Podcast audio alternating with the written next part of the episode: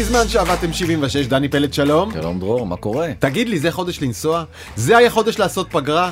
אתה לא מתבייש? כולם- כמה כותרות. נכון, כולם בטוחים, אתה יודע, שאנחנו כמו הכדורגלנים, עכשיו נסענו לאבו דאבי, היינו בבריכה, איזה בריכה ואיזה נעליים, קורונה. אני מודה, הכותרות שנכנסו בחודש ינואר, כל אחת אני הסתכלתי ואמרתי יואו, אבל אין לנו פודקאסט, לא עכשיו, לא עכשיו. החלטנו לעשות לכם סיכום הכותרות המטורפות של ינואר הבוער, כי באמת קרו כל כך הרבה דברים, זה שעולה וזה שיורד למשל, אמזון בזינוק מטורף. אבל זה כלום ליד הקריסה של פייסבוק. כן, זה ממש אה, חגיגה, נראה לי, כל השמחים? לעד צוהלים. שמחה, אני שמח לעד מזה שפייסבוק קורסת? איפה אתה רואה את זה? כן, אני לא יודע. איך, מה מעיד על זה, אין לי מושג. קרב הטיטנים בין... טוב, טיטנים, כן. ניל יאנג וג'ו רוגן, אבל באמת זה סביב מהי ספוטיפיי, ומהי אחריות בעולם הזה, ומה זה תאגיד טכנולוגיה, ומה... וואו, שאלות מטורפות. קרב האקסבוקס נגד פלייסטיישן זה עלה מדרגה. קרב המיליארדים באמת. זה קרב המיליארדים באמת.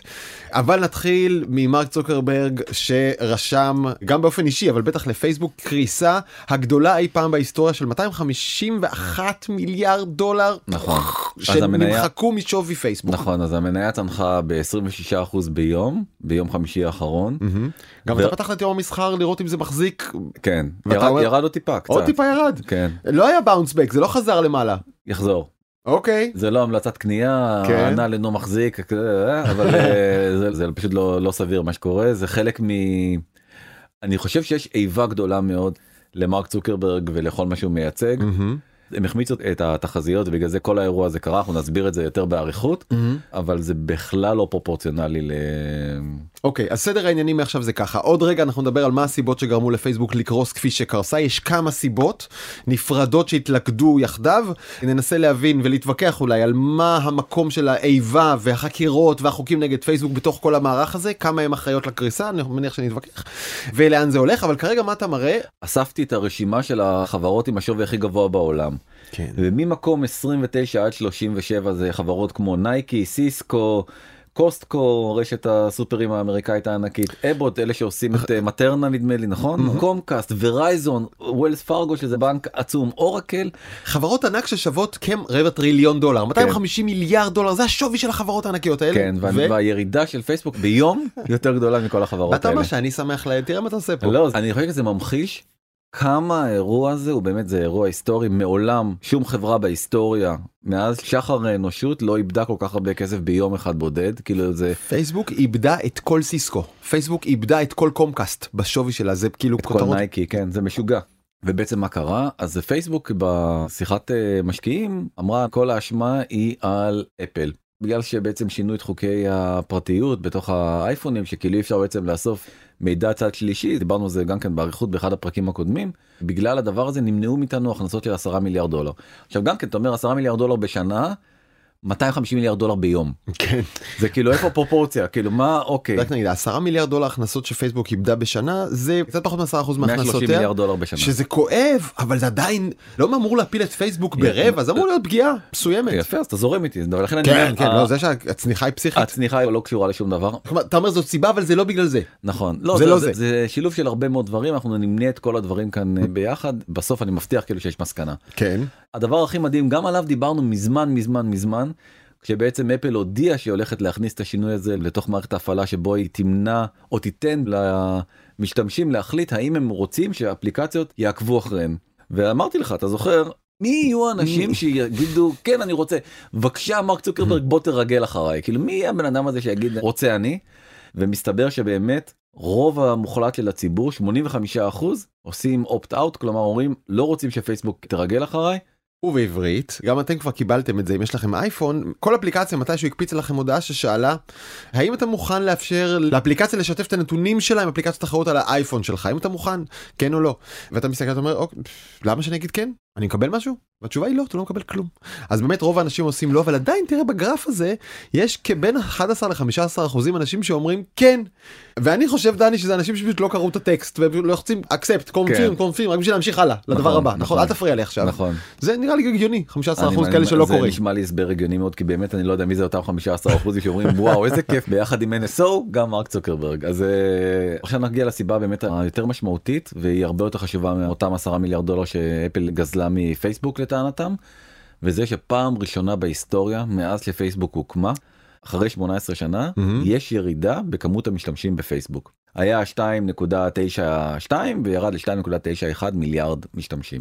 וצריך להסביר, כל פעם שמשקיע קונה מניית פייסבוק, הוא מסתכל על העמודה הכחולה הזאת, ואומר, ברבעון הבא, יהיה פה עוד מדרגה למעלה.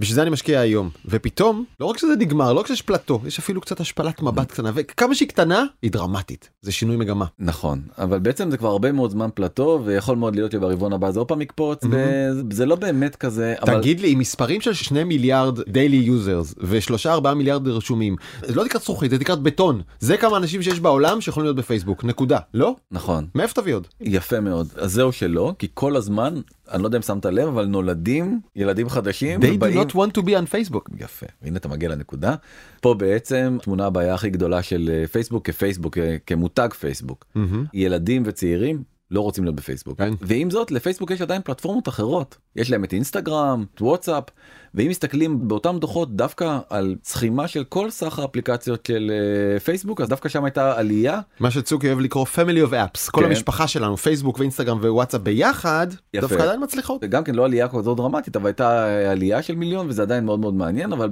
יש אה, ילד חדש בבלוק וקוראים לו טיק טוק וכל האנליסטים משוכנעים שפשוט ככל שהתקדמו הרבעונים טיק טוק רק תלך ותגרוף עוד ועוד ועוד קהלים מתוך פייסבוק ובעצם תצמצם את פייסבוק עוד יותר ועוד יותר ועוד יותר ולכן המגמה הזאתי לא תפסיק. תדע לך אני לא יודעת כמה אתה מעורה בזה אבל בטיק טוק האלגוריתם והממשק יוצרים תרבות אחרת הדיבור הוא אחר. זה לא אותם סרטונים שכותבים בפייסבוק עכשיו בטיק טוק באמת זה שכונה אחרת והשפה בה היא שונה ומותר להגיד דברים אחרת. זה לא אותם אנשים בפייסבוק ואינסטגרם זה אנשים אחרים הפופולריים. וזה סופר סופר מעניין. בגלל זה גם אני וגם הרבה אנשים יותר אוהבים להיות שם נגיד בטיק טוק מאשר בפייסבוק למרות שגם היא סובלת מאותם חולאים כמו פייסבוק אני לא לא אומר אחרת.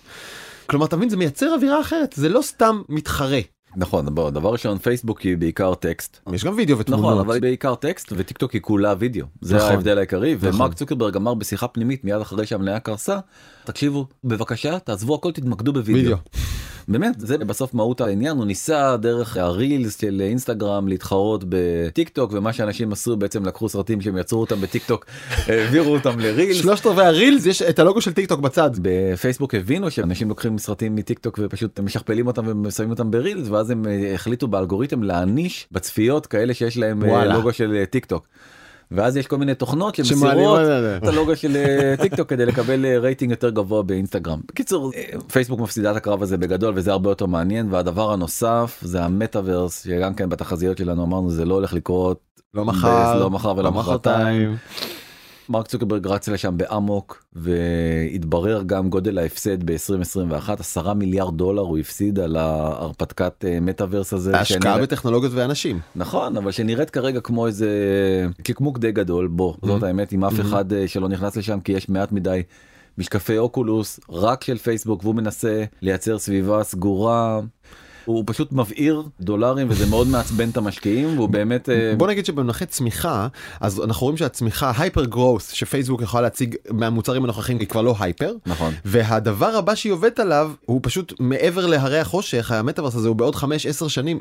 יותר 10. כלומר יש כאן עמק מוות כזה של צמיחה שהיא צריכה לקפוץ עד לשם ועל מה היא תמשיך לגדול בעשר שנים הקרובות לאנשים לא ברור. נכון. וזאת הסיבה שמשקיעים בורחים. לא ברור לא- מאיפה זה- היא תגדל. גם זה וגם שבעצם אולי איכשהו בעצם מנסה לבנות את המטאוורס זה לא בעצם איך שיהיה המטאוורס ואז יכול להיות שבכלל כל הכל יחמיץ. ההשקעה של המיליארדים שהוא Mm. כרגע משקיע בפרויקט הזה אה, פשוט כן. ירדו לטמיון. ויש תקדימים. שני פרויקטים ענקיים שפייסבוק בעצם עבדה עליה בשנה האחרונה וגם הודיעה עליהם אה, בשבועות האחרונים. היא פשוט סוגרת אותם. שניהם דרך אגב הפיתוח שלהם ברובו נעשה בישראל שזה גם קצת עצוב לישראל אבל בגלל מצוקת ההייטק שעליה נדבר בפרק הבא. הכל בסדר. הכל טוב, לא אף אחד לא יהיה מובטל אף- ל-20 כן, שניות. נכון, אבל בעצם פרויקט הארנק המפורסם שנקרא ליברה ואחרי זה נקרא Diem ו stablecoin וכולם בהתחלה היו חלק מהדבר הזה ואז כולם פרשו וכולם לא מאמינים לפייסבוק יותר שתצליח לעשות זה הם פשוט מכרו את כל הפרויקט הזה במחיר הפסד משוגע של 200 כן. מיליון דולר. וכאן אני חושב שיש אינטרס ציבורי מובהק שהדבר הזה פשוט לא יקרה. אין שום אינטרס לאף אזרח שחברה שגם ככה השתלטה על חלק גדול מהמדיה, מהפרסומות ומהחיים והתשומת לב שלנו, תשלוט גם בעוד אספקטים כלכליים תשתיתיים. שום סיבה אין לנו לרצות בזה. אז זאת סיבה ראשונה וסיבה שנייה זה שעוד פרויקט גם כן של אה, קידום של אה, אינטרנט וי-פיי יותר נכון באפריקה מהמם. גם אותו פייסבוק מחסלת המטרה של הפרויקט הזה היה כמובן כדי שזה ממש ישראלי. נכון. ועל כל הדברים האלה אתמול אני מנסה להחזיק את החיוך. בוא בוא אני אתן לך כי זה באמת זה הלחם והחמאה שלך הדבר הזה אז אני אתן לך לספר את הסיפור. חלק גדול מהדרך שבה פייסבוק עושה כסף זה למשוך את הנתונים של אנשים מכל העולם לארצות הברית שם עושים להם את האנליזה ואת הניתוחים ומחליטים איזה פרסומות כל אחד יראה וככה פייסבוק עושה כסף. והאירופאים התעוררו כבר לפני כמה שנים ואמרו רגע רגע רגע what do you mean מה זאת אומרת אתה מושך את הנתונים עלינו המשתמשים האירופאים לארצות הברית. זה הפרטיות של האירופאים מי הרשה לך בכלל לקחת אותם. ואז ייצרו איזה סטנדרטים איך מותר ואיך אסור והחקיקה האירופאית החדשה פשוט הולכת לחסום את הצינור הזה חלאסים להעביר נתונים של אירופאים הברית ופייסבוק אשכרה איזה חוצפה מאיימת אז אנחנו נלך נצא מאירופה לא יהיה פייסבוק באירופה תיזהרו. תיזהרו אנחנו נצא ואז גרמניה וצרפת אומרים לכם ביי. לכו. נהיה יותר מנומס לצאת מבלומברג we're fine without Facebook German and French ministers say.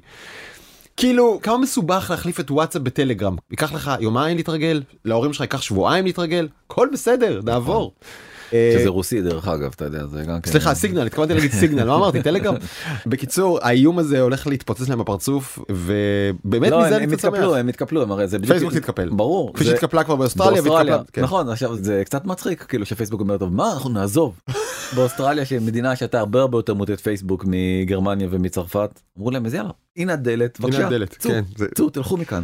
אמרו לא אנחנו מצטערים אנחנו דווקא אוהבים אתכם בוא ניתן לכם כסף ל publisher. ועכשיו תשמע שאלה שבאמת מנקרת לי מאז שראיתי איך פייסבוק סבלה מהשינוי של אפל שסגר לה צינור הנתונים של האפליסטים זה כבר לא אירופה.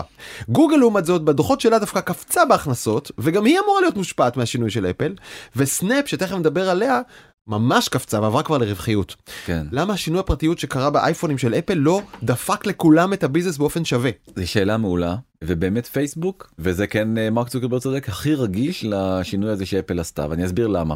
כי בעצם הביזנס העיקרי של גוגל הוא בחיפוש כן.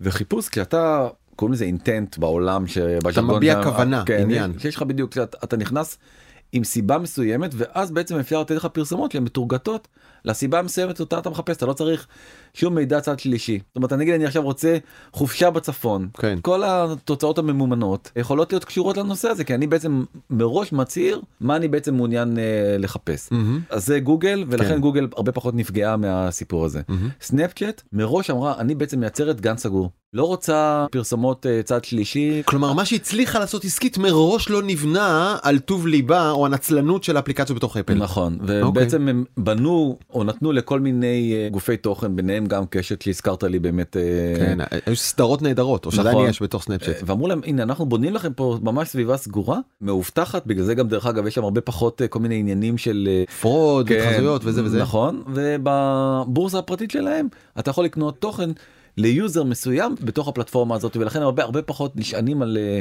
דאטה מצד שלישי כמו שבעצם אה, פייסבוק עושה. שאפשר להגיד זה פגע בהם עד כה מן הסתם היו יכולים להתרחב יותר מהר להרוויח יותר אם היו מנצלים אפליקציות אחרות כמו פייסבוק אבל הם בחרו בדרך השמרנית והנה עכשיו היא משתלמת להם. נכון הם פשוט בגישה שהכל בעצם צריך לקרות בתוך העולם של, של סנאפ? סנאפצ'אט כשהם בעצם סוגרים את הסכמי התוכן ופייסבוק מהמם. היא בעצם הרי כולה זה לינקים לתכנים מהאינטרנט מצד שלישי זאת אומרת יש לך כתבה מ-N12 שאתה רואה אותה בעצם כלינק בתוך פייסבוק זה כאילו גם בעצם איך, איך הארכיטקטורה בנויה ולכן זה הרבה הרבה יותר משפיע על פייסבוק מאשר על כל uh, שחקן אחר. עכשיו תגיד לי ואני חוזר רגע לשמחה לעד.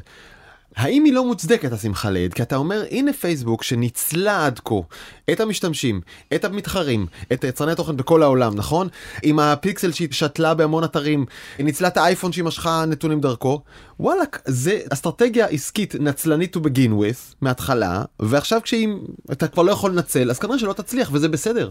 כל מי שאני מכיר בין אם בעולם התוכן ובין אם בעולם הפרסום מהמם.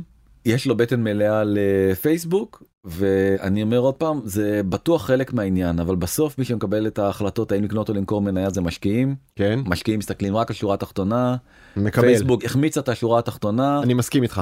אבל הנה דבר אחד החקירות והחקיקה נגד פייסבוק המקום האחד שאני משוכנע שהם השפיעו ברמה עסקית גם על המניה וגם על התוצאות של פייסבוק זה במקום שבו פייסבוק היום כבר לא יכולה להתרחב על ידי רכישת עוד אינסטגרם. זה כבר לא יכול לקרות. נכון. ה antitrust לא ייתן לה. נכון. אז הסנטימנט ממש מגביל אותה. יזמים שהיום מפתחים את ה-DM הבא את הבא לא ילכו לעבוד בפייסבוק נכון כי זה ארגון לא אהוב וכי ברור המגבלות שלו נכון. כלומר ה antitrust הזה החוקים והרגולציה כבר ממש מגבילים אותה עסקית ופוגעים בה גם במניה זה אתה מסכים? חד משמעית וגם אוקיי. דרך אגב השכר בפייסבוק כבר היום בגלל שיש לה סנטימנט פחות טוב הוא יותר גבוה, יותר גבוה. מכל ה Big Tech האחרות מקום ראשון. אתה זוכר שהם קרסו בדירוג המעסיקים הנחשקים קרסו למקום 49 או משהו מהעשירייה הראשונה. נכון. דרך אגב הבטחתי כאילו להגיע לפאנץ' אני חושב שמרק צוקרברג חייב ללכת הביתה. חייב. בשביל אה, להציל את פייסבוק. בשביל להציל את פייסבוק זה קרה בלא מעט חברות זה קרה במייקרוסופט שהייתה בדשדוש ובקריסה מהמם. אגב אחרי שהייתה מונופול דורסני והיום היא אולי החברה באמת הכי בריאה כן. מבין כל חברות כן. ה Big Tech. רק הם- הליכה של צוקרברג הביתה תאפשר לפייסבוק לפתח DNA חדש שלא מבוסס על ניצול מה core מהבסיס אלא על תחרות. זו דעתי. והנה עוד. איש שהלך הביתה ג'ף בזוס ואחרי שהוא הלך הביתה אמזון הציגה את הרבעון הכי טוב בתולדותיה שזה מהמם. גם כן בהמשך ישיר למה שעכשיו אמרתי. ועוד שיא שנשבר תראה בינואר נשברו שני שיאים המחיקה הכי גדולה בהיסטוריה של פייסבוק? והעלייה הכי גדולה בהיסטוריה של אמזון. של אמזון והם שניהם שברו שיא של אותה חברה אתה יודע איזה חברה לא. אפל וואלה. כן עד אז אפל הייתה הצוללת והעולה? כן די. כן ביום אה, מתי אגב זה היה? באיזה שנה? העלייה הייתה לא מזמן לפני שבועיים נכון. אה, יותר. היינו פה היינו פה. כן שבועיים או שלושה והירידה הייתה ב-2018 או 2017 וואלה. אוקיי. כן טוב אנחנו כבר במספרים מפלצתיים של טריליונים נכון. שירידה אחוזית קטנה זה בומבה בכסף. נכון אוקיי. אז, מניית אה, אמזון קפצה גם כן ביום אה, שישי ב-14 אחוז 191 מיליארד דולר נוספו לשווי השוק ובעצם המספרים הם פשוט לא סבירים באמת. ההכנסות היו הכנסות נטו כאילו לא בעצם סך כל הסחורה שנמכרת נכון הרי אפשר לחשב את ה-G קוראים לזה GMV מהמם. אז לא סך ה-GMV אלא בעצם ההכנסות נטו 137 מיליארד דולר ברבעון. ברבעון. רגע. 137. זה יותר ממה שפייסבוק מכניסה בשנה. נכון. אוקיי. ברבעון 137 מיליארד דולר. עוד פעם אנחנו נדבר על המספרים של אמזון הם כל כך מפלצתיים שבאמת אי אפשר להבין אותם אני ניסיתי להביא כל מיני המחשות מעולמות אחרים תכף נגיע לזה זה באמת מדהים אבל הסיפור הכי גדול כמובן זה עדיין הענן דיברנו בפרק של התחזיות שבעצם חשבנו שהגיע תור ה edge ובעצם הענן רק הולך וגדל וגדל וגדל. המרוויחה הגדולה מהגידול הזה בענן היא לא אחרת מאשר אמזון ההכנסות שלה מענן רק ברבעון האחרון הם 17.8 מיליארד דולר כמעט. מהמם. מה שמדהים הוא זה שכמה net profit כמה רווח נקי בעצם היא מייצרת על אותו מחזור אדיר מעל 5 מיליארד דולר רווח נקי מדהים. מדהים. 30 אחוז שולי רווח נקי. נקי זה משוגע כי זה פשוט תשתית מאוד מאוד מאוד מאוד יעילה. כן. אני חושב שלאנשים שלא נמצאים בתוך תעשיית ההייטק הם אולי לא יודעים כמה חברות שאתם משתמשים בהם כל יום. בנקים, חברות תקשורת, רשתות שיווק, אה, אני לא רוצה להגיד שמות של עסקים ספציפיים. אבל- נטפליקס מה זאת אומרת אפשר להגיד- נטפליקס נכון אבל גם המון עסקים שאתם משתמשים כל יום קונים בהם לחם שירותי טלפון שירותי זה יושבים על הענן של אמזון או על מייקרוסופט נכון זה בגדול הזה השניים הגדולים. השניים כן. הגדולים וגם היום סטארט-אפים שאנחנו רואים ואתה מסתכל בתוכניות העסקיות שלהם כאילו זה ברור זה כמו שאני פותח את הברז ויש מים של מקורות הענן שלי יושב באמזון זה נכון זה כמו נכון, חמצן לנשימה זה לכל הוצאה- עולם זה העסקי. זה גם הוצאה כל כך גדולה באמת המספרים של ההוצאה על אמזון הם פשוט משוגעים אבל אה, זה מה יש. אי אפשר לבנות עסק אחרת. כן. עוד דבר שבעצם תרם בצורה מטורפת לקפיצה המשוגעת ברווחיות של אמזון ברבעון האחרון מהמם. זה השקעה בחברת מכוניות שהייתה איזוטרית באותו זמן דיברנו על זה שהיא לא כן. מכרה צמיג אחד הלא היא ריוויאן. הנפיקה בטרם מכרה צמיג אחד. נכון והיא הנפיקה ב-100 מיליארד דולר ובעצם הרווח הנקי שאמזון אה, רשמה הוא 10 מיליארד דולר מהמניות האלה. מהמניות האלה. המניה צללה מאוד מאז ולכן הציפייה היא שברבעון הבא זה דווקא יתנקם באמזון ותהיה מחיקה אבל לא צריך לדאוג כי אמזון כבר מצא דרך לתקן את הירידה הזאת ברבעון הבא ומה היא עושה? היא מעלה שוב את מחיר האמזון פריים. אמזון פריים זה בעצם מין אה, שירות כזה שאתה יכול לקבל אה, באמצעותו גם שירות וידאו חינם וגם אה, שירות פודקאסטים חינם וגם שירות מוזיקה חינם. ומלא הטבות בכל שאר העולמות של ו- הקניות. לא, ובעיקר 2 day delivery promise בעצם לקבל משלוחים מהירים מאוד כן. מאמזון. עכשיו, אתה יודע, מה זוכר כשהשיקו את זה, א' זה היה סוג של סמל סטטוס, אבל זה גם היה באמת כסף קטן. וואלה זה כבר לא כסף קטן. 139 דולר בשנה זה מה שאתה צריך בשביל הזכות כן. לקבל משלוח באופן אה, יותר מהיר כמובן אה, חבילת ההטבות הייתה כתבה מטורפת דרך אגב של הוול סטריט ג'ורנל על למה 139 דולר זה ממש זול וואלה. כן אוקיי. דרך אגב הם לא רווחיים. על הסגמנט הזה אמזון לא רווחית אבל הוא עוזר לה בכל נכון. הסגמנטים האחרים. נכון וצריך לזכור גם עוד דבר מאוד מאוד חשוב שיש אינפלציה מטורפת כרגע בארצות הברית ויש מהמם. עליית מחירים ממש all across the board ואותו דבר בעצם אה, הביא גם את נטפליקס מהמם. בהתחלה אמרו שזה רק יהיה בצפון אמריקה ובקנדה והמחיר עלה בעצם מ-1399 ל-1549 ופתאום קופצה לי הודעה בנטפליקס בישראל כן? בטח עלה המחיר. כולם מעלים את המחירים ומי שאומר שאין פה אינפלציה ושזה פשוט לא יודע מה הוא מדבר זה כאילו אני חושב שתהיה השתוללות של אינפלציה ב-2022. אבל אני רוצה להגיע איתך לשורה מאוד מאוד חבויה שם בתוך הדוחות ופעם ראשונה אמזון מפרסמת כמה הכנסות היא עושה מפרסום. אם אתה קונה באמזון מהמם. בטח שמת לב שמופיעות יותר ויותר מודעות כאלה של מוצרים שהם לא קשורים בכלל למוצרים שחיפשת הם משתמשים יותר בעולמות של גוגל נגיד אתה מחפש נעל ריצה אני עכשיו חזק בריצה כן? אתה מחפש נעל ריצה של סקוני בסדר סתם מהמם. לצורך הדוגמה. מהמם. רודפת אחריך מודעה של נעל ריצה של אדידס אבל כתבתי סקוני אני לא רוצה אדידס מהמם. למה אתם למה אתם שמים לי תמונה שלו כתבו שם בקטן בפונט מינוס 2 בערך מהמם. בגודל שלו באפור לבנבן כדי שלא תראה מה? שכתוב ספונסרד. ואנשים לוחצים.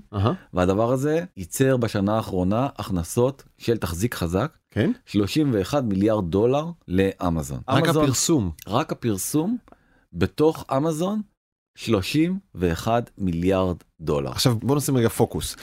עד כה כולם ידעו שאמזון מפרסמת, אבל אף אחד לא ידע עד כמה זה גדול. נכון. כשחשבנו על עסקי הפרסום אמרנו פייסבוק וגוגל. ואמזון גם אבל והיא לא חשפה את המספרים והנה היא עושה את זה בפעם הראשונה פשוט כי הם כל כך גדולים שכבר אי אפשר להסתיר אותם בדוחות נכון. ואז אתה מגלה שאמזון מפרסמת יותר גדולה מיוטיוב כל הפרסומות של אמזון זה יותר מהפרסומות של יוטיוב זה יותר מכל ההכנסות של נטפליקס זה משוגע. זה מטורף. נכון אז אמזון 31 מיליארד דולר ויוטיוב שגם כן דרך אגב עד לפני שנה וחצי בגלל שזה לא היה מספיק מהותי לא פרסמה מהמם. רק היו השערות אבל לפני מהמם. שנה וחצי בערך אה, הם התחילו. נכון זה כבר אי אפשר להסתיר את זה יותר. נכון זה גדול מדי אז אה, יוטיוב היא 28.8 מיליארד דולר ב-2021 כן. ונטפליקס כל ההכנסות שלה מדמי מנוי כי אין שם פרסומות זה 30 מיליארד דולר. זאת אומרת אמזון הפרסום שעד עכשיו היה איזה שורה שם אה, בתוך הדוחות שאפילו לא נחשפה לציבור הרחב. בשבוע שעבר פעם ראשונה בעצם הסיפור הזה נחשף 31 מיליארד דולר. תגיד לי אם אתה אוהב את האלגוריה הזאת. נגיד שאתה בא על קיוסק ואתה מוכר אתה יודע לחם וטחינה וזה וזה ועוד מוצרים שהם לא בריאים לילדים ועל הדלפק יש לך את העמדה הזאת של הסוכריות אדומות על מקל. כן. נכון? פתאום אתה מגלה שהסוכריות האלה מוכרות כמו חצי הקיוסק וכמו יותר מכל הרשת שיווק מעבר לכביש כן נכון בדיוק. אמזון לא קמה בשביל פרסום זה side business זה על הדרך גם היא לא קמה בשביל ענן נכון הם פשוט אמרו אוקיי יש לנו כל כך הרבה אנחנו מייצרים כל כך הרבה תשתיות אה, מחשוב שאם יש לנו, כבר. יש לנו עודפים ממש כמו חברת חשמל בוא נמכור את העודפים האלה לצדדים שלישיים כן. זה הגלגל תנופה המפורסם של אה, ג'ף בזוס שבגלל שהוא בעצם מייצר לעצמו עסק מספיק מהמם. חזק כ core הוא עדיין יכול לתת את כל השירותים האלה גם למתחרים. ותביא את הציוץ הזה של בנדיקט אבנס. יפה, אה, אני אתן לך. אתה יודע הרי לאנשים יש בעיה בלהבין מספרים גדולים גם לי כמה זה 30 מיליארד. אתה יודע זה זה מלא אפסים אוקיי מלא אז בוא נבין כמה זה. כותב בנדיקט אבנס I wondered when Amazon would start disclosing advertising revenue answer 31 billion in 2021 שזה roughly אני, אני אעבור לעברית זה בערך באותו גודל של כל תעשיית הפרסום בעיתונות העולמית. העולמית. מה שאמזון מכניסה לבד מפרסום זה כמו שכל שאר העיתונות העולמית מכניסה הכל כולל הכל. הכל כולל הכל. ועוד אה, דרך להסתכל על זה זה בעצם לה- להבין כמה השלושה גופים האלה גוגל פייסבוק ואמזון חזקים.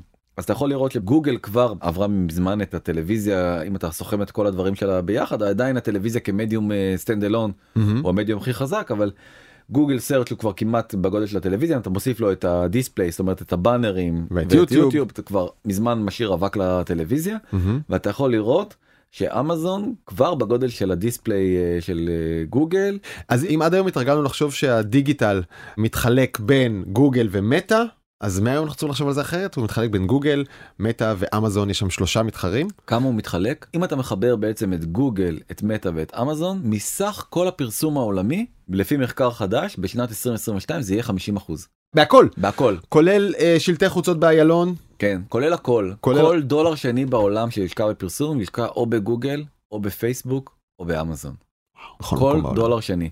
עכשיו זה נהיה הרבה יותר גרוע אם אתה אומר אוקיי אז בוא נשים שנייה את השלטי חוצות מהאיילון נשים אותם שנייה בצד את הפרסומות בישראל היום גם נשים שנייה בצד בעיתון מהמם. בוא ננסה להבין כמה זה מהדיגיטל. 74% מהכסף של פרסום דיגיטלי 74% כן. הולך לאחת משלוש החברות האלה. הבטחנו שתדבר על סנאפצ'אט שזה בין ה darling שלי כן באמת אתה יודע מה אני חושב שזה הרשת החברתית הכי מעניינת ומגניבה שישראלים לא מבלים בה נכון היא בכלל לא פופולרית בישראל אבל היא מאוד מאוד פופולרית בארצות הברית בצדק יש שם vibe ויש שם תוכן מגניב ויצירת תוכן בלעדי שיש רק שם ורואים את זה עכשיו גם בכסף. נכון נתחיל אבל דווקא מאותו יום חמישי יום חמישי השחור של אה, פייסבוק. סנאפצ'אט הייתה אמורה לפרסם את הדוחות למחרת מהמם. ביום שישי. אז פייסבוק מפרסמת את הקטסטרופה שלה בחמישי צוללת ברבע ו... גוררת איתה את כל תעשיית הפרסום מטה. מניית אה, סנאפצ'אט בעצמה ירדה ב-22.2 לפני פרסום הדוחות בגלל פייסבוק בגלל פייסבוק. שום דבר שקרה להם. האנליסטים חשבו שאוקיי אם פייסבוק נפגעה כל כך אוי ואבוי מה יקרה לסנאפצ'אט. לחלשים יותר. כן. ואז למחרת סנאפצ'אט פרסמה את הדוחות ובום קפצה ב-60 אחוזים ביום.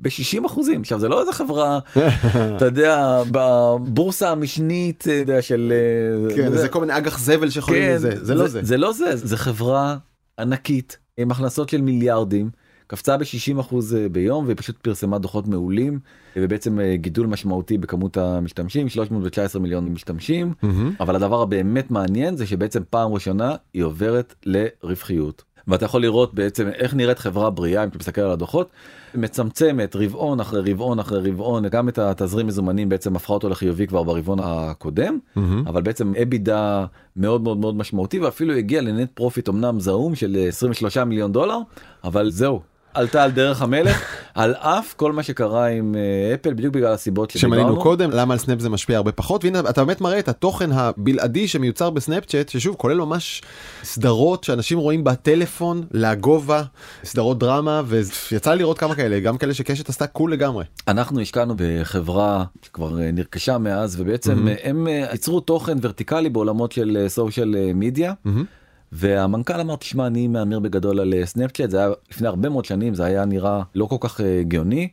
הוא אמר כי הם היחידים שבעצם אה, מוכנים לעשות איתי rev share וואלה. כן להתחלק איתי בהכנסות עכשיו, מאז זה קצת השתנה כבר יש עוד שעושים rev share נכון עוד אלמנט של צניעות ושמרנו בצד סנאפ נכון? נ- נכון לא זה מה שאני בא להגיד ובעצם כל העניין הזה של הפרטנרים הם בנו ecosystem מדהים של פרטנרים והם עושים עם כולם rev share מאוד כן. מאוד מאוד מאוד נדיב מאוד מאוד מאוד נדיב. באותו זמן באינסטגרם אותו סטארט-אפ שבאמת היה לו מיליארדים של אה, צפיות מיליארדים צרצרים אה? כלום כלום. שום דבר היה קצת תוכן שיווקי וכל מיני מין דברים כאלה אבל שום דבר בעצם מהפלטפורמה שבא ואומר אנחנו באים אה, לקראת הסטארט-אפ כן. הצעיר ובאים לעזור ובאים לקדם וזה אני- פשוט עכשיו זה קצת נושך אותם חזרה בהרגשה שלי גם בטיק טוק דרך אגב וגם בסנאפצ'אט כן נוקטים בגישה כזאתי. מהמם. תשמע אה, אני אני זוכר- לא לא יודע אם שם עכשיו אבל ראיתי כבר בסנאפ את national geographic. כלומר גם BBC גם CNN גם NBC אה NBC נכון הם עשו מדורת חדשות לצעירים ממש נכון. עושים תוכן יהודי וכשהם מקבלים רבשר הגיוני חלוקת הכנסות הגיונית מסנאפצ'אט אז שווה להם להשקיע בתוכן הזה וליצור נכון. שם קהל והנה שזה יותר שמרני זה בונה את עצמו יותר לאט אבל כשזה מגיע זה מגיע. נכון אז זה בדיוק מה שקרה וזה התפוצץ עוד פעם היה הרי מומנטום נורא שלילי כי אה, אחת הקרדשיאנס אתה אשכרה מביא את הקרדשיאנס לפודקאסט שלנו דני. כן אמרה שסנאפצ'אט זה out כן. כי בעצם כבר נכון, נמאס להם עם נכון. הפילטרים האלה עם האוזניים וכל הדברים האלה It's not about that. ונכון בדיוק זה הרבה הרבה יותר וגם אה, מנכ"ל אה, סנאפצ'אט אומר דרך אגב הוא אומר את זה לדאבונו הוא אמר את זה ב investor call האחרון. ה Spotlight זה האזור שבעצם הספקי תוכן זה האזור הכי צומח בתוך האפליקציה פחות הפילטרים וה... עכשיו זה אומר שהגרף של המניה של סנאפ נראה ככה קו ישר נפילה חדה קו ישר עלייה כפול וקו ישר. מה שיפה בסיפור הזה זה שמראה לך שדווקא בסנאפצ'אט לא היה מידע פנים כי אחרת המניה לא הייתה צוללת ככה אבל היום אתה יודע להסביר לי כן ברור שסנאפ לא ירדה כי אפל לא משפיעה עליה כי יש לו קיזוזים. אני גם לא ידעתי תשמע אני קראתי את זה ביום חמישי ואמרתי אוי ואבוי מה מחכה לנו איזה צונאמי הולך להיות ביום שישי ודווקא זה היה מאוד מאוד הפוך אבל השאלה הגדולה היא מה יקרה עכשיו הלאה עם סנאפצ'אט. מה עושים יום אחרי עלייה של 60 אחוזים כן. באמת זה כמו להיכנס בהוואי.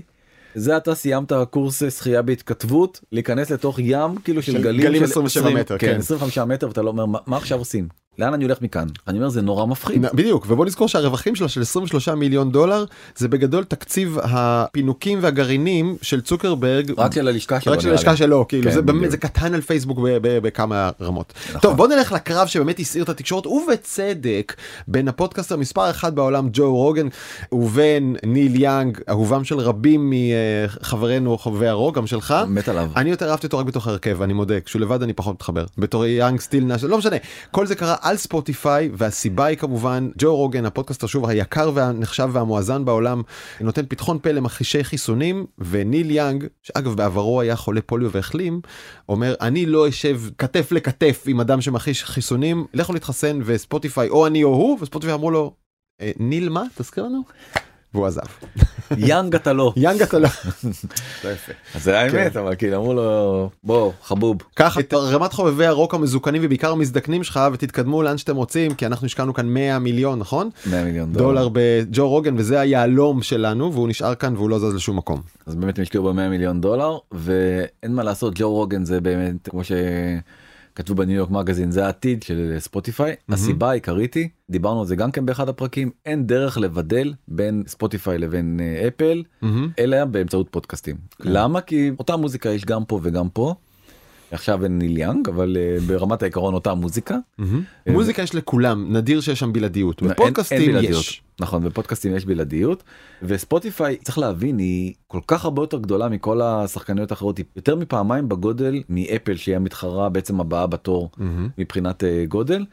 וניל יאנג סיפר קצת אה, מספרים עליו 60% מהאזנה לניל יאנג יש בספוטיפיי זה מטורף. זה משוגע אני לא יודע אם להעריך את הטמטום שלו או את העקרוניות שלו של להגיד ל-60% מהקהל שומעים ביי. איך אתה אומר טמטום באמת זה צעד ברמה המסחרית להיפרד ב-60% מהקהל שלך שמע אני לא יכול לעשות את זה כל יום. אם אתה באמת מאמין בצדקת אה, דרכך אז כן. אה, אתה יודע אתה צריך לשלם על זה מחיר אחלה מחיר אז כלכלי אה, vibes יש פה לגמרי. לגמרי. אז 6 מיליון מאזינים בחודש ו2.4 מיליון היו לו 2.4 כן. מיליון עוקבים בספוטיפיי. רק כדי שיהיה לנו פרופורציה לג'ו רוגן יש לפרק 11 מיליון האזנות לפרק בודד כן. זה כאילו באמת מספרים בסקאלה אחרת. כל האומנים האחרים ראו או חברים יותר נכון לא כל האומנים האחרים זה כאילו- לגמרי חבר'ה זה לגמרי הגילדה שלו. נכון חלקם גם קנדים כמוהו חלקם גם היו חולי פוליו כמוהו שזה ג'וני מיטשל. נכון. קנדית חלתה בפוליו החלימה וגם היא אה, כמוהו אומרת אני לא מוכנה לסבול שכתף אל כתף להיות אה, בספוטיפיי לצד מישהו שמכחיש חיסונים. ולכן אנחנו בעצם מגיעים למצב שבו קבוצה מאוד מאוד מצומצמת אבל Mhm. מאוד מאוד מאובחרת באה ואומרת תודה רבה הספיק לנו הדבר הזה ואנחנו לא רוצים להיות חלק מהדבר הזה שנקרא ספוטיפיי ודרך אגב קרוסבי כן. סטילס נש ויאנג כל הכנופיה הזאת כולם עזבו ואין אותם היום יותר בספוטיפיי מנכ"ל ספוטיפיי אמר אנחנו פלטפורמה אנחנו אה. לא זה לא קשור אלינו כאילו כל ההתבטאויות האלה של אנחנו רק פלטפורמה טכנית אנחנו אנחנו- לא עורכים ראשים אנחנו לא אחראים לתוכן זה נשמע לי מוכר המוזיקה הזאת נכון. מזמזם לי אני שמעתי כבר את השיר הזה איפשהו תזכיר לי איפה זה היה. זה היה בשימוע של אה, חבר שלך בקונגרס האמריקאי שאמרו לו כן. רגע אבל לא הבנו אתה משלם ליוצרי תוכן שיהיו על הפלטפורמה שלך.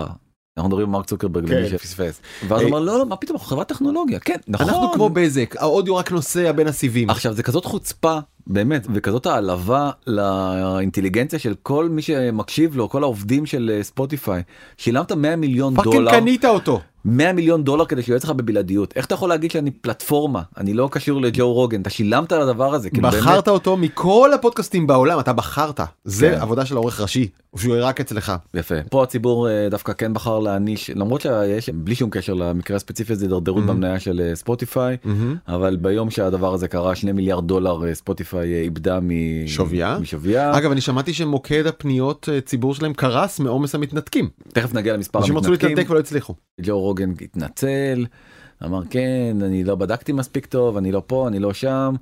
ובעצם גם התחילה עכשיו איזה מין קריסה בעולם הפודקאסטים שרוקסן גיי פרסמה מאמר דעה ביום שישי בניו יורק טיימס והיא כאילו יש לה פודקאסט מאוד מאוד פופולרי על העצמת נשים. ו- Why I've decided to take my podcast off Spotify. ויקירנו אה, סקוט גלווי קרא את המאמר אה, דעה הזה. והודיע הפודקאסט שלי פרופסור ג'י יורד באופן מוחלט מספוטיפיי והוא אומר משהו מאוד מאוד אה, יפה ומעניין הוא כן. אומר אנחנו מתבלבלים. כל האלה שבצד של ג'ו רוגן אומרים מה מה זה הסתימת פיות הזאת זכותו שיגיד יערער את אמות הסיפים של הממסד של האם בעצם החיסונים האלה טובים או לא טובים וזה אומר חברים אתם מתבלבלים. יש הבדל מהותי בין צנזורה שזה המילה שאתם כנראה פונים אליה ומדברים מהמם. עליה לבדיקת עובדות. הוא לא יכול בשום פנים ואופן לתת עובדות שהן אינן עובדות נכונות. כלומר למנוע פרסום שקר זו אינה צנזורה. לא קוראים לזה צנזורה. זה נכון. להימנע מלהפיץ שקרים. והוא מספר גם על עצמו הוא אומר תראה פעם שהיה לי ניוזלטר ל-25 אלף איש אז הייתי אומר טסלה יותר גדולה מכל תעשיית הרכב. כן. ואז הייתי מקבל כל מיני אימיילים חזרה מאנשים אומרים לא חבוב זה לא נכון מה שאתה אומר היא כמעט קרובה לזה. כלומר יכולתי לזרוק אמירות כלליות בלי לבדוק יותר מדי. נכון והוא אומר ועכשיו יש לי 250 אלף מנויים לניוזלטר שלי מהמם. רבע מיליון ויש לי שני אנשים במשרה מלאה שכל מה שהם עושים זה fact checking לעובדות שאותם אני. למה שאני כותב כי אני לא יכול להרשות לעצמי בגלל ההשפעה שיש לי להגיע לכל כך הרבה מדהים. וזה כל עכשיו, כך נכון ג'ו רוגן בתגובה שלו אגב זה היה מדהים הוא אמר "אה, אה, וואי אני מה זה מצטער לא הבנתי איזה אחריות באה עם הגודל הזה של מיליוני מאזינים בחייאת אחי ברצינות אתה מדבר למיליוני אנשים יש לך אחריות. אבל אני רוצה להגיד לך משהו אני גם באתי לדיון הזה מתוך נקודת מוצא דומה למה שאתה מתאר. בסדר? של להגיד אה, דברים אה, שהם שקריים או מתנגדי חיסונים זה אסור ונקודה וצריך לחתוך את זה. ואני יודע שהייתה לי שיחה עם יובל נתן בגלי צה"ל והוא הוא טיפה ערער לי את התפיסה הזאת. למה? אני כן חושב שיכול להתקיים צריך להיות מקום כזה צריכה להיות פלטפורמה צריכה להיות תוכנית שבה אפשר גם לשאול שאלות שלא שואלים במקום אחר להביא מרואיינים שלא מביאים ממקום אחר בסדר? צריכה להיות הפלטפורמה הזאת וג'ו רוגן כל הזמן מצהיר על עצמו אני קומיקאי אני לא מתיימר להיות עיתונאי אני לא יודע שום דבר אני מנהל שיחות סתם אני אומר הרבה שטויות ואני חושב שכן צריכה להיות מקום שבו אפשר להגיד דברים שלא נעים לשמוע אפשר להגיד מילים לא יפות שזה מעצבן אפשר להיות חסר אחריות ופרודי.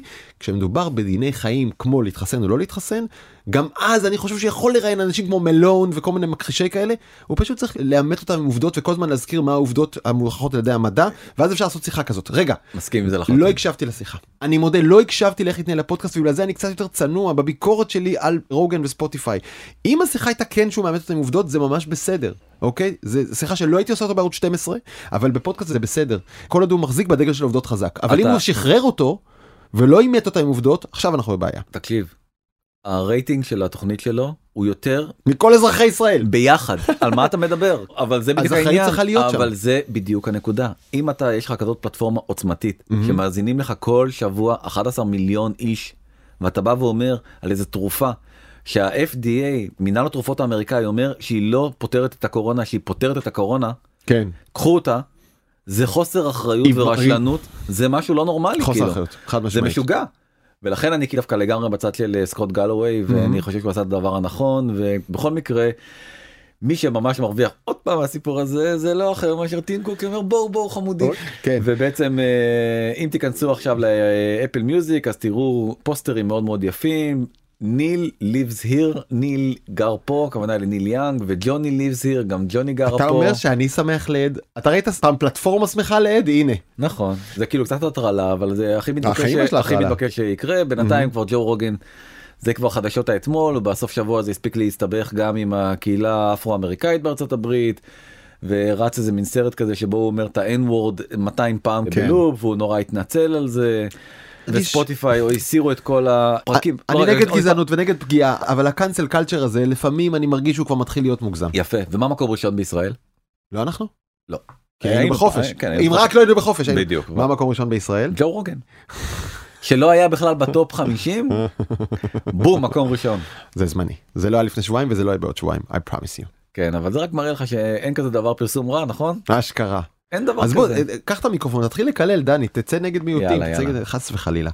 אה, ובשבוע הבא יהיה כאן פרק שאנחנו מתווכחים איך לקרוא לו כן. אבל אנחנו יודעים מה התוכן שלו נכון. סופר מעניין. רצינו גם להתעסק במשחקים באקסבוקס נגד סוני פלייסטיישן לא הספקנו השבוע אז נספיק אולי בעוד שבועיים כי גם שם יש דרמות מרתקות עד כאן בזמן שעבדתם אותנו אפשר להשיג ב... ספוטיפיי. ואפל פודקאסט ובכל שאר הפלטפורמות. כן, ואנחנו אפשר לפנות אלינו לוואטסאפ 0376766012 או באימייל בזמן at קשת מינוס TV נקודה com. האמת שאני חייב תשובות שם לכמה אנשים שהעירו דברים מעניינים. בחודש האחרון אני אנסה לחזור לכולם נגיד תודה לעורכת שלנו אפרת מירון למפיקה נטע ספילמן לתומר וולף על הסיוע הטכני ומוטי אוננה ולחברים בנקסטר. זו הרצאה לך ניצן כרמלי ודנה גוטרזון. עד כאן? כן. תודה דני. תודה רבה דרור.